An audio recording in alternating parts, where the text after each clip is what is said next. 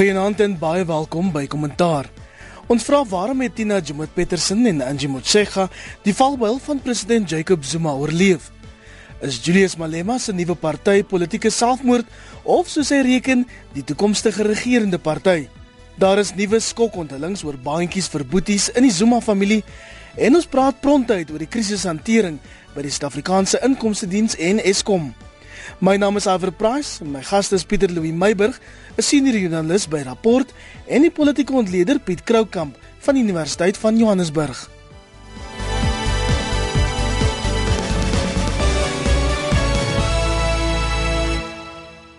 'n Duidelik gespanne president Zuma het die week vir die 4de keer van sy termyn sy kabinet geskommel en sommer ontslaag geraak van Tokie Segwali, Dinapule en Richard Beloyi. Die groot vraag is egter waarom het die wat duidelik nie die mas opkom nie die valbuil oorleef? Piet Daar's 'n paar dinge waaroor Suid-Afrikaners gaan saamstem en daar's 'n paar wat waarskynlik kontroversieel gewees, maar ek dink die belangrikste ding is mense sou wou gesien het ek dink onderwys is in 'n baie kritieke stadium. Mense sou wou gesien dat Angie Motshekga gaan vervang word met iemand anders en mense sou ook gesien het dat sy waarskynlik nie 'n ander pos by die kabinet vervul of na 'n parastatal toegeskryf word. Ek dink sy is bloot oneffektief as 'n minister. Ek dink Melusi Kaba was in die verlede was hy hy was die kroonprins van die ANC gewees. Ons het altyd gedink dat hy waarskynlik uh, later baie belangrike poste soos adjunkt president kan beklee. Maar daar's toenemende persepsie dat uh, veral nou ek dink met die die kragstasie probleme en ander probleme in sy departement dat miskien was dit tyd gewees om hom in 'n ander pos te aanwend. En indien jy hom nie noodwendig in 'n ander pos wil aanwend nie, miskien iemand anders te kry wat meer effektief met hierdie baie baie komplekse uh, departement kan omgaan.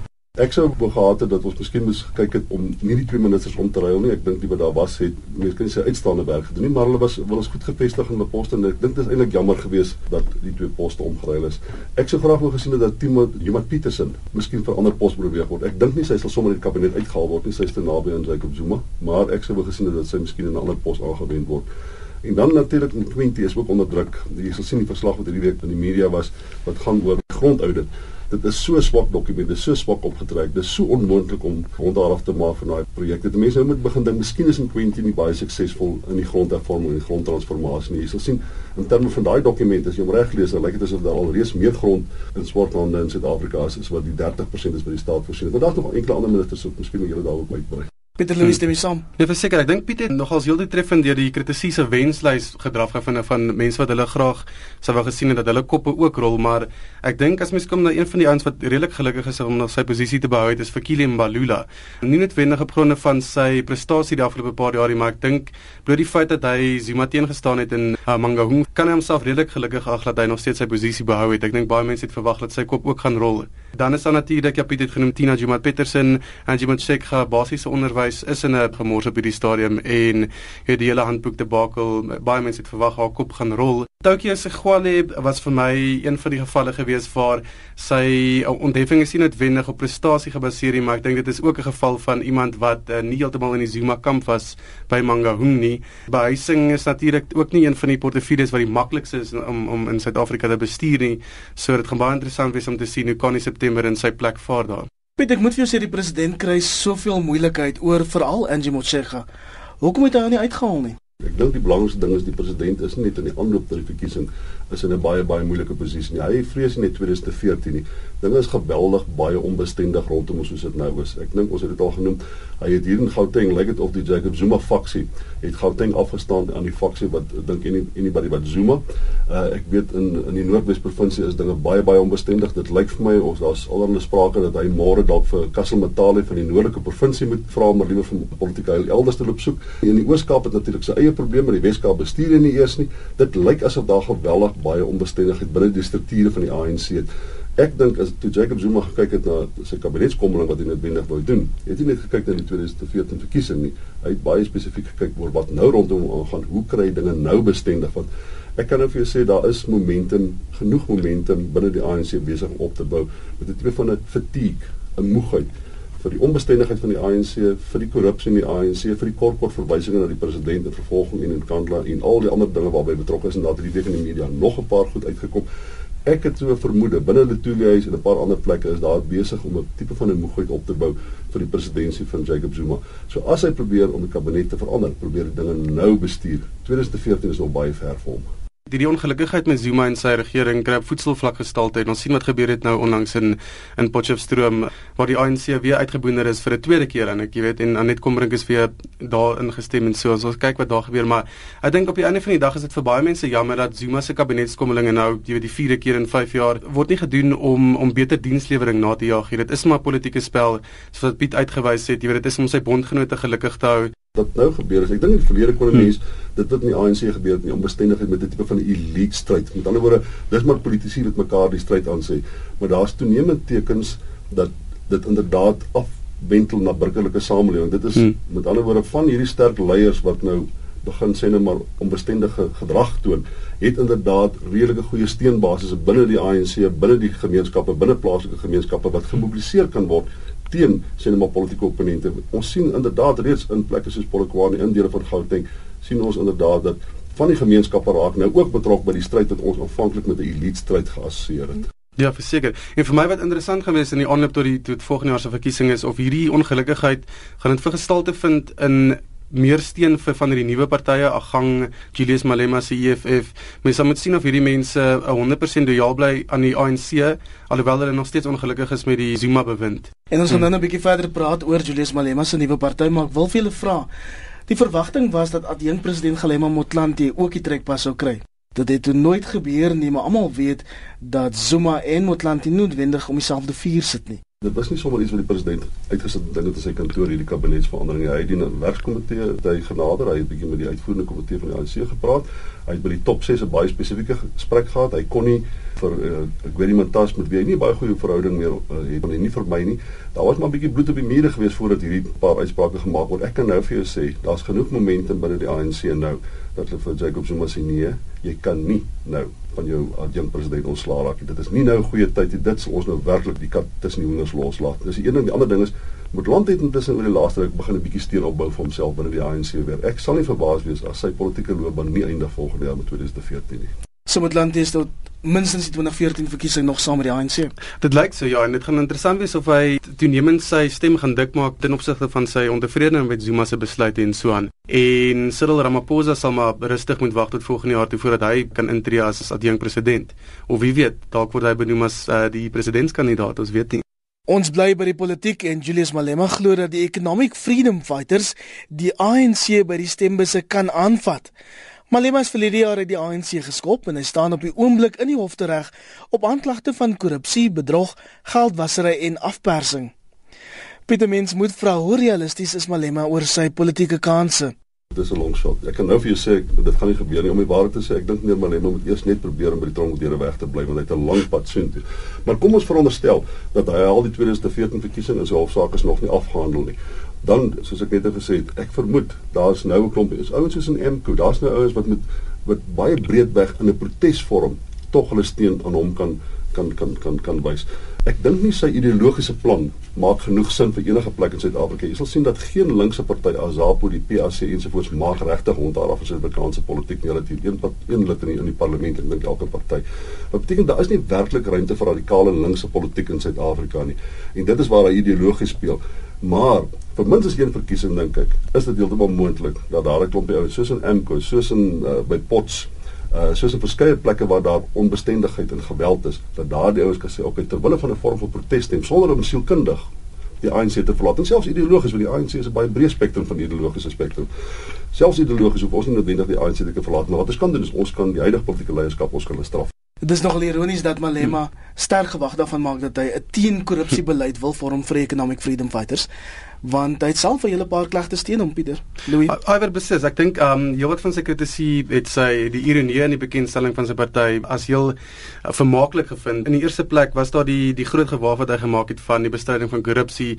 Ons weet hy met later van jare in hof gaan verskyn op aanklagte van korrupsie onder meer in Limpopo. Dis daar die aantuigings wat verband hou met die padwerke tenders waarby sy Ratanang familietrust groot baat gevind het. So uh dit is natuurlik vir heelwat mense redelik vermaaklik dat hy nou, jy weet, korrupsie aan die groot klok hang en homself as 'n bevegter van korrupsie promoveer. Ek dink die tweede ironie vir my dan gelê het in die ligging gaan hy vir waar hy die party bekend gestel het. Hier by Constitution Hill in Johannesburg Ons weet natuurlik die EFF se beleid van nasionalisering is in hierdie stadium alles behalwe grondwetlik. So dit is nogal 'n groot teenstrydigheid. Mens moet onthou dis tipiese gedrag van politici. Ek onthou nog hoe Ewie de Klerk op die een podium na die ander gestaan het en gepraat het oor apartheid en een van die eweres wat hy beslis nie uitgedink het en definitief geen aandeel aan gehad het nie.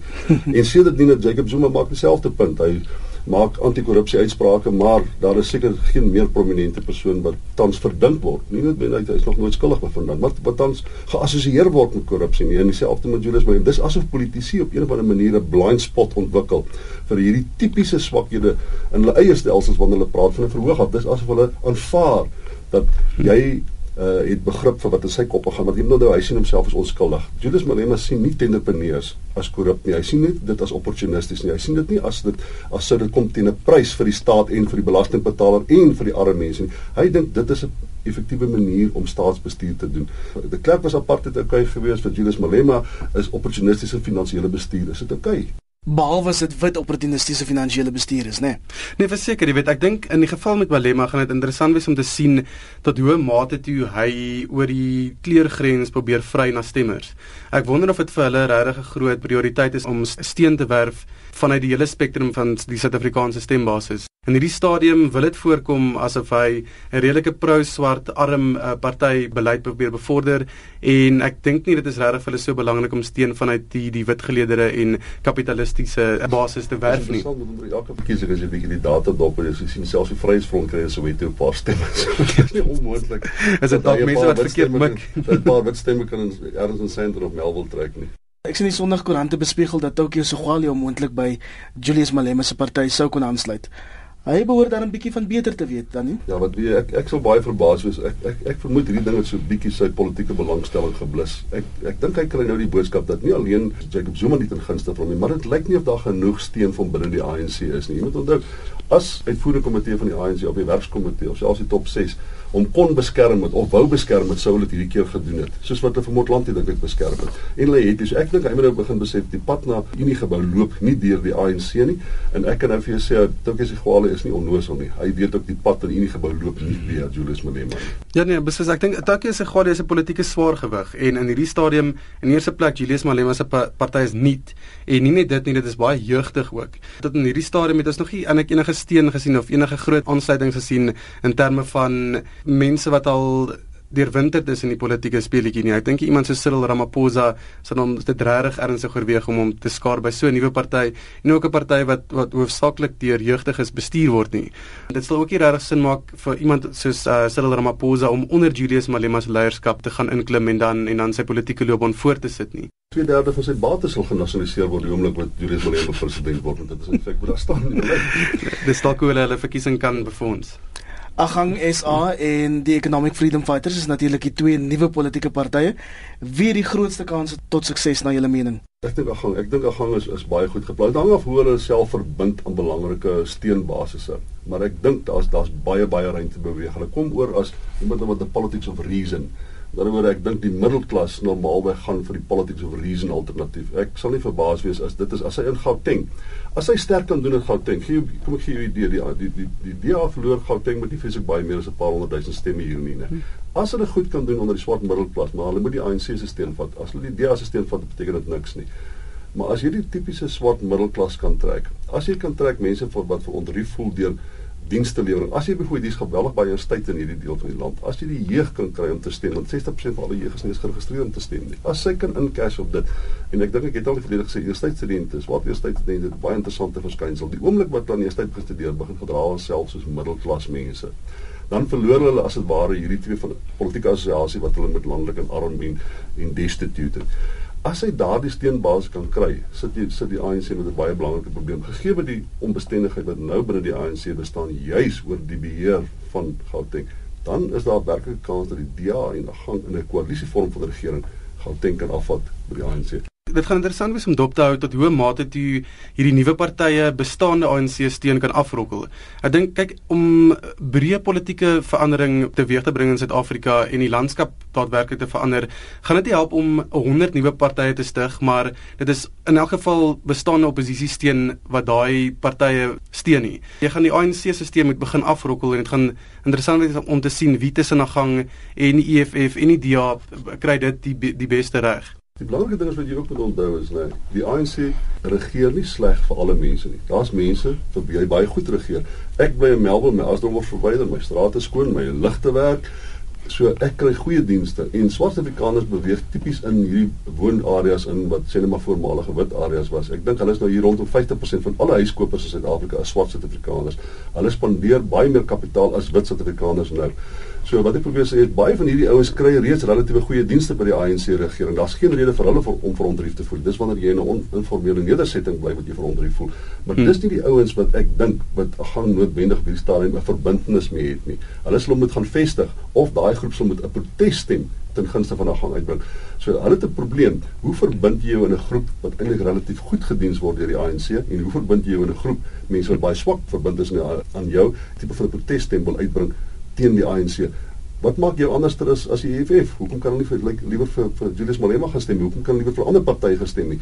Ons is gelukkig in die opsig dat dit 'n nasionale en 'n provinsiale verkiesing nou is en nie 'n tipe van 'n plaaslike verkiesing nie. Want nou kan ons inderdaad kry dat groot steenbasisse kan hulle vereenselwig met politieke leiers wat nie 'n goeie argitektuur het, nie goeie organisasie het nie. Agang kan nie die DA 'n masjinerie wat vir niks skrik. Die ANC se masjinerie is goed geolie. Al die ander partye het nie daai effektiwiteit nie. Maar met 'n nasionale provinsiale verkiesing kan jy bietjie incash op 'n tipe van 'n elite leier of 'n bekende leier of die karisma van een leier en goed maak. Kan dit uh, goed gedoen op 'n gedagte met swak leierskap, swak infrastruktuur, 7,47% van die steun gekry. As jy dalk laat by ons ingeskakel het, jy luister na 'n kommentaar op RSG. Ek is Iver Price in vir Anita Visser wat in die buiteland is en by my in die ateljee is Pieter Louw Meiburg van Rapport en die politieke ontleder Piet Kroukamp.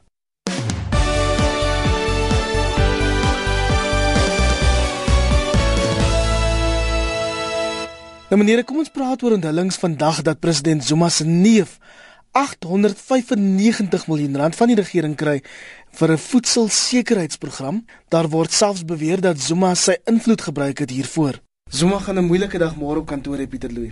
Hy gaan verseker Iwer, ek dink in sigself is dit nie problematies nie mits daai fondse reg toegepas word. Kyk, ons het al voorheen gesien familielede, vriende word in hoë poste aangestel en tot 'n op 'n dit het 'n redelike rampspoedige effek. Die kern 'n prinsipaal behoort te bestaan dat as iemand die werk kan doen en hy dit op 'n regverdige manier gekry, dan behoort die familiebande nie 'n probleem te wees nie. Waar dit nou problematies gaan word is ons begin uitvind dat daardie kosprogramme bereik nie die regte mense nie en dat dit eintlik in chaos verval het. As nou iets reik stinker as dit nou hierdie keer. Ek kan nou vir jou sê ek dink dis die sit die pot hier mis, maar dit as die beweringe waar is dat Jacob Zuma inderdaad by van die vergaderings was waar belangrike besluite oor hierdie ding geneem het en dan is dit familiebande. Dan kan ek nou vir julle sê die kans as ons daai ding behoorlik ondersoek dat daai familie inderdaad die kapasiteit het, die historiese kapasiteit, die organisatoriese kapasiteit het om daai dienste te lewer en dat dit, in terme van 'n bepaalde meriete verdienste daai projek gekry het. Ek net vir julle sê ek sal my geld daarop sit, my laaste maand se salaris wat baie klein is, dat dit waarskynlik nie baie naby in hmm. dit dit hulle verdien dit waarskynlik. Ek dink hmm. daar's 'n behoorlike stelsel in Suid-Afrika vaardig.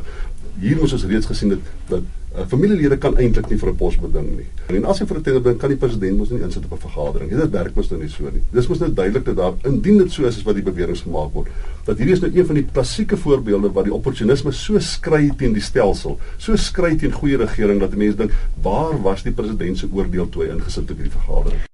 Piet ek is bereid om my salaris te gee dat president Jacob Zuma waarskynlik onaangeraak sal wees deur hierdie onthullings dat niks met hom sal gebeur nie. Dit is so soos wat met Waterkloof niks gebeur het nie, soos wat dit ons kans dat met Kanda dan waarskynlik nie te veel gebeur nie, maar dis nie waaroor dit vir my gaan nie. Waar vir my gaan is die tipe fragmentasie wat binne die ANC gebeur. Daar is dit gee momentum aan ander kleiner groepe binne die ANC en soms groter groepe. Dit gee momentum aan ouens soos Motlanthe se se opinie van goeie regering en die WC Sulu se opinie van goeie regering. Daar is besig om 'n tipe van 'n weerstandigheid binne die ANC op te bou. Hulle sien hierdie goed. Uh, die ANC het nie die vermoë om direk te reageer daarop nie. Het nie vermoë om dit on te ondermyn nie. Maar in die groter proses, in die bigger picture van van dinge nê, skep dit 'n bepaalde momentum wat teen Jacob Zuma gaan. En dis hoekom ek sê terwyl hy vir jou nou relatief veilig lyk. As jy kyk het na daai daai perskonferensie nê. Wanneer laas het die president so gespanne so bedruk gesien soos met daai laaste perskonferensie waar hy in die kabinet agter. Ek het hom nog nooit so gesien nie. Kom ek sê vir jou, dis omdat hy begin geweldige weerstand kry vir van die goed wat hy doen. En dit sal op 'n manier sal dit 'n tipe van argitektuur ontwikkel na 2014 toe. Ek sê net vir jou, Jacob Zuma se onrustig met 2014. Nee verseker daaroor ek dink wat wat hierdie tipe onhullings ten minste vir my uitwys een een ligpunt in hierdie situasie is Suid-Afrika is ten minste nog polities vry genoeg dat daar ruimte is vir hierdie tipe ondersoek om plaas te vind. Ek dink ten minste word dit goed uitgewys. Ek dink die verantwoordbaarheid lol soms uh, Zuma het nog bitter min gesê oor in Kandla en dit lyk of daar weinig met hom gaan gebeur in hierdie stadium. Ons weet nie wat met Tuli Modensela se se verslag gaan gebeur nie, maar ten minste ek dink dit is 'n bietjie van 'n ligpunt ten minste om te sien dat hierdie goed uitgewys word. In baie lande waar korrupsie hierdie vlak aangeneem het, word dit uh, nooit eers aan die publiek be uh, bekend gestel nie. Maar Modensela se verslag gaan 'n brander wees. Jacob Zuma sit op beplan elke dag hoe hy gaan hierdie ding moet gaan ontvermy. Want daar is nou, weet ons, in terme van bepaalde regsopinies, daar is geen wet waaronder hierdie ding weggesteek kan word omtrent nie mense weer om om die ander verslag die uh, in Kanada verslag weg te steek en toe kom ons agter dis maar net 'n kabinet te kree. Hy kan hom nie daaronder wegsteek nie. So hulle sit met 'n groot probleem wat maak die Kanada verslag en ek kan nou vir jou sê al hierdie goed soos wat die laaste weke in die koerant en die Mailingar en ensovoorts gerapporteer is al daai goed sal op 'n of ander manier vervat word in Tuli Madonsela se verslag en ek sal nie verbaas wees as hy vir die presidentskap soos wat sy laas gesê het Mr President maybe you should do the right thing en dan weet ons almal dit beteken. Miskien moet jy resign, miskien moet jy bedank. En ek kan net vir jou sê jy kort een groot vonk in die kruit vat wat maak dit al die ander penne dingetjies wat ons gedink het miskien nie saak maak nie, wat die ANC nie teen reageer nie om daai goed ook momentum te gee. Ons sien hierdie week in dieselfde week wat hy die minister van onderwys gehou het, het, het die hof besluit dat sy moet inderdaad nou hulle te begin roer en die minimumstandaarde vir onderwys moet sy begin bekend maak. Wat die uh, parlement sukkel om dit te kry, oppositiepartye nie uit, uit kry nie. In feite niemand kry dit uit nie. So daar is 'n momentum, daar's 'n institusionele momentum, daar's goeie organisasies en goeie besluitstrukture en grondwetlike beginsels wat begin om te rebelleer. Dit bring ons tot by die bedanking van Oupa Magashula as die land se belastingbaas. Dit blyk nou dat Magashula tot eergister nog gejok het vir die komitee wat hom ondersoek het. Sy bedanking volg na beweringe dat hy vir 'n rekenmeester werk aangebied het by die Suid-Afrikaanse Inkomstediens en daardie rekenmeester het nou 'n bande met 'n veroordeelde dwelmhandelaar. In geen land in die wêreld is daar geen korrupsie nie. Is daar geen swak bestuur nie. Is daar nie opportunisme nie.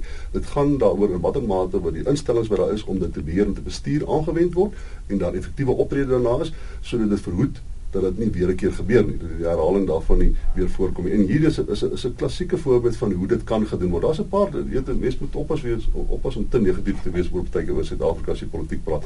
Daar's in hierdie week vir my 'n paar voorbeelde gewees van waar ons gewys het hoe ons moet effektief bestuur. Ons het die kapasiteit om hierdie land goed te bestuur. Met goeie bestuur kan ons korrupsie aanspreek. Ons kan ons elektrisiteitsprobleme aanspreek. As jy kyk wat Sasol gedoen het, hulle het 'n doodse stilte hulle kragstasie oopgemaak wat met gas gedryf aangedryf word, die grootste die enigste een in Suid in in Suid-Afrika en waarskynlik die grootste in Suider-Afrika of Suid in, in Afrika. So wat ek probeer sê is daar's goeie tekens van goeie goeie bestuur. Al wat ons moet doen is ons moet die politieke stelsel meer kompeterend maak en ons sal beter bestuur kan in Suid-Afrika. Die kapasiteit bestaan. Ons kan nou 'n bietjie verder daaroor praat, maar is duidelik dat Oupa Magashule wel bedank is, eintlik gedwing is om te bedank, as ek dit reg verstaan, Pieter Louw. Sny twyfel, jy weet alwer ek dink die aantuigings teen hom was redelik sterk geweest. Die City Press en Rapport Koerant het in hulle artikel redelik prominent uitgewys hoe hy die bandjies vir boeties benadering toegepas het en hoe hy ook beïnvloed is deur 'n baie ongiere karakter. Ek bedoel dis iemand wat al van dwelmsmousery skuldig bevind is. So dit is definitief vir die tipe persoon wat jy op daardie pos vlak wil um aangestel het nie en veral nie iemand wat Suid-Afrika se finansies of 'n kernrol in die inwin Suid van Suid-Afrika se belasting speel nie. Ek dink tot 'n groot mate toe kan mens die afgelope week 'n week van verantwoordbaarheid noem. Dina Pule is natuurlik ook haar pos kwyt as gevolg van allerlei beweringe van korrupsie en die feit dat sy haar lewensmaat help tenders kry het en ook van sy vriende in staatsinstellings hoë poste uh, probeer kry het en so so definitief in terme van verantwoordbaarheid het ons waarskynlik 'n goeie week gehad. Ek is net besorgd oor dat hierdie tipe um, gevalle dikwels 'n bietjie van 'n uitsondering is. Ek dink daar is redelike skreiende voorbeelde van korrupsie wat nie aangespreek word nie. So hopelik is hierdie Jy weet, miskien is hierdie 'n keerpunt. Lindie Sisulu het ook hierdie week gesê sy gaan baie spesifieke stelsels in plek kry om alle vorm van korrupsie in die staatsdiens aan te spreek. Ek eh, en en, en daar's ander gevalle ook. Ek dink uh, Piega van die polisie het 'n spesialis eenheid gestig of uh, sprake gemaak van 'n spesialis eenheid. So wat ek probeer sê is, dis hoe jy korrupsie gaan aanspreek. Nie deur op 'n podium te staan en te sê ek gaan die korrupsie in die land toelaat nie. Jy moet sê ek het 'n eenheid gestig. Ek het 'n afdeling gestig. Ek het 'n komitee op die been gebring wat gaan sorg dat korrupsie nie weer plaasvind nie. Jy moet die institusionele argitektuur skep om korrupsie te veg. Jy kan een persoon kan dit doen nie in bloot politieke toespraak. Dis wat Jacob Zuma soms doen. Hmm. Hy staan op 'n verhoog, hy beloof dat gaan die korrupsie wees nie, maar wat doen jy om seker te maak dit kom nie daar nie? En ek dink dit met Lindiwe Sisulu gedoen het, Piega gedoen het, uh, Pravin Gordhan, dis tekens van 'n hmm. stelsel wat geïmplementeer word en waaraan waarde geheg word en wat lyk of dit werk. Peter Louw verwys nou na 'n goeie week vir verantwoordbaarheid, maar in dieselfde asem was dit nie 'n goeie week vir Eskom nie. Veral met betrekking tot sy teikens tot die Medupi kragstasie. Wat gaan daar fout? Hulle het 'n goeie leier, Brian Dames is 'n baie goeie leier. Goeie leier, maar ek dink dis weer 'n teken van waar jy met 'n redelike klomp mense hê wat effektiewe bestuur in 'n breë spektrum kan toepas. Ek dink eers kom se groot probleem is hulle probeer self die projek bestuur en hulle het nie meer die kapasiteit nie. Daarenteen iemand so SAS, hoewel die projek baie kleiner is wat hulle van stapel gestuur het hierdie week. Is baie kleiner, maar die feit bestaan is hulle het nog 'n lang geskiedenis van effektiewe bestuur van groot projekte. Ek vermoed ten spyte van dames se goeie intensie en sy goeie kapasiteit, sit dit is sy probleem. Daar's nie 'n breë ingesteldheid of 'n geskiedenis meer van effektiewe bestuur nie. En as dames dan na hierdie gesprek luister, sal hy waarskynlik sê Eskom het nie die geld om hierdie groot projekte klaar te maak nie. Iwer wat tot in 'n groot mate eintlik onsin is. As jy kyk na hulle winsmarges, Eskom maak verskriklik baie wins. Ons weet dit nou, hulle verklaar dit elke jaar. Okay, hulle het onlangs 'n uh, aansienlike kleiner wins aangedui hierdie jaar, maar dit is nog steeds etlike miljarde rande en hulle is ook 'n betreklike duur kragvoorsiener. Ek dink Suid-Afrikaners is besig om hulle hulle vra vir nerse elke jaar verhoor kragfooie en dit is besig om die verbruikers se sak te raak. So Eskom se gewildheid is besig om te taan en Brian Dames het natuurlik 'n baie groot taak voor hom om om dit reg te stel en met Dupie betyds klaar te kry. Want ons kyk aan ook met steenkool en kernkrag. Is die twee roetes wat hulle verkies om te gaan. Dis hoe hulle projekbeplanning doen. Dis waar jy by die groot bedrae uitkom. Ek kan nou vir jou sê daar's geen rede hoekom ons nie gas kan gaan, kom ons die sonkrag kan gaan nie die die hoeveelheid druk wat ons op die stelsel en nog meer as jy uh, klein private ondernemings as jy mynbedrywe toelaat om hulle eie elektrisiteit op te, te genereer. As jy hulle toelaat om hulle surplus elektrisiteit binne in die, terug te sit in die, in die, in die netwerk in byvoorbeeld kan jy Suid-Afrika se kragprobleem binne 3 jaar kan jy dit in groot mate oplos. Dit is nie nodig om hierdie verskriklike groot steenkoolprojekte te en en kernkragprojekte dis ongelukkig alwaarvoor ons tyd het vanaand in kommentaar.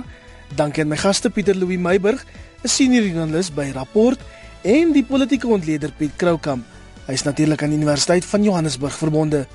My naam is Iver Price. Totsiens.